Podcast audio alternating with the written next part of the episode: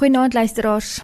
As julle nou weer na Hebreërs 8 gaan kyk, dan word daar pragtige goed gesê oor die nuwe verbond.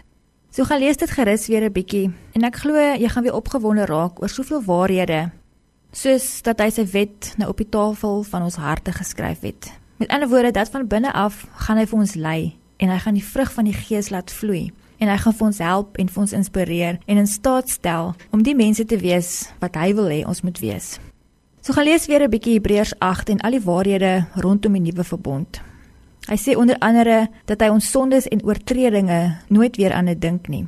Maar die belangrikste versie wat ek nou wil uitlig vanaand wat my aanspreek is die nuwe verbond sal nie wees soos die wat ek met hulle voorvaders gemaak het op die dag toe ek hulle aan die hand gevat het om hulle uit Egipte uit te lei nie. Want hulle het nie my verbond gehou nie en ek het hulle verwerp, sê die Here. So in die ou bedeling sê die Here, ek het hulle verwerp.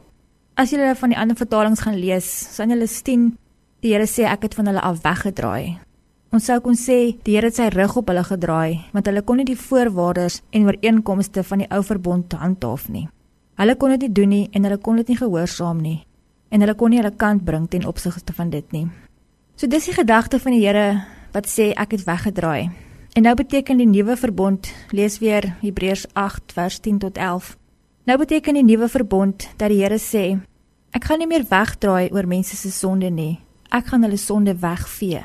Ek dink dit is belangrik om weer mooi te hoor dat die Here sê hy gaan ons sondes wegvee. Ons moet dit dalk vir mekaar oor en oor sê.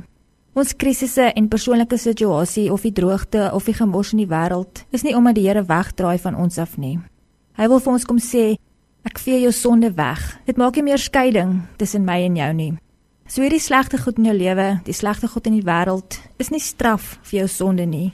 Die Here sê miskien dit is ek wat vir jou vra en vir jou sê en vir jou herinner dat dit nie sonde is wat maak dat ek wegkyk nie. Die Here sê onthou, ek het jou sonde weggevee. Jy kan maar net na my toe kom. Jy kan met my kom praat en jy kan jou bekommernisse, jou spanning en jou pyn en jou seer by my kom uitstort Ek is tot jou beskikking. Ek hou van jou. Ek wil vir jou help.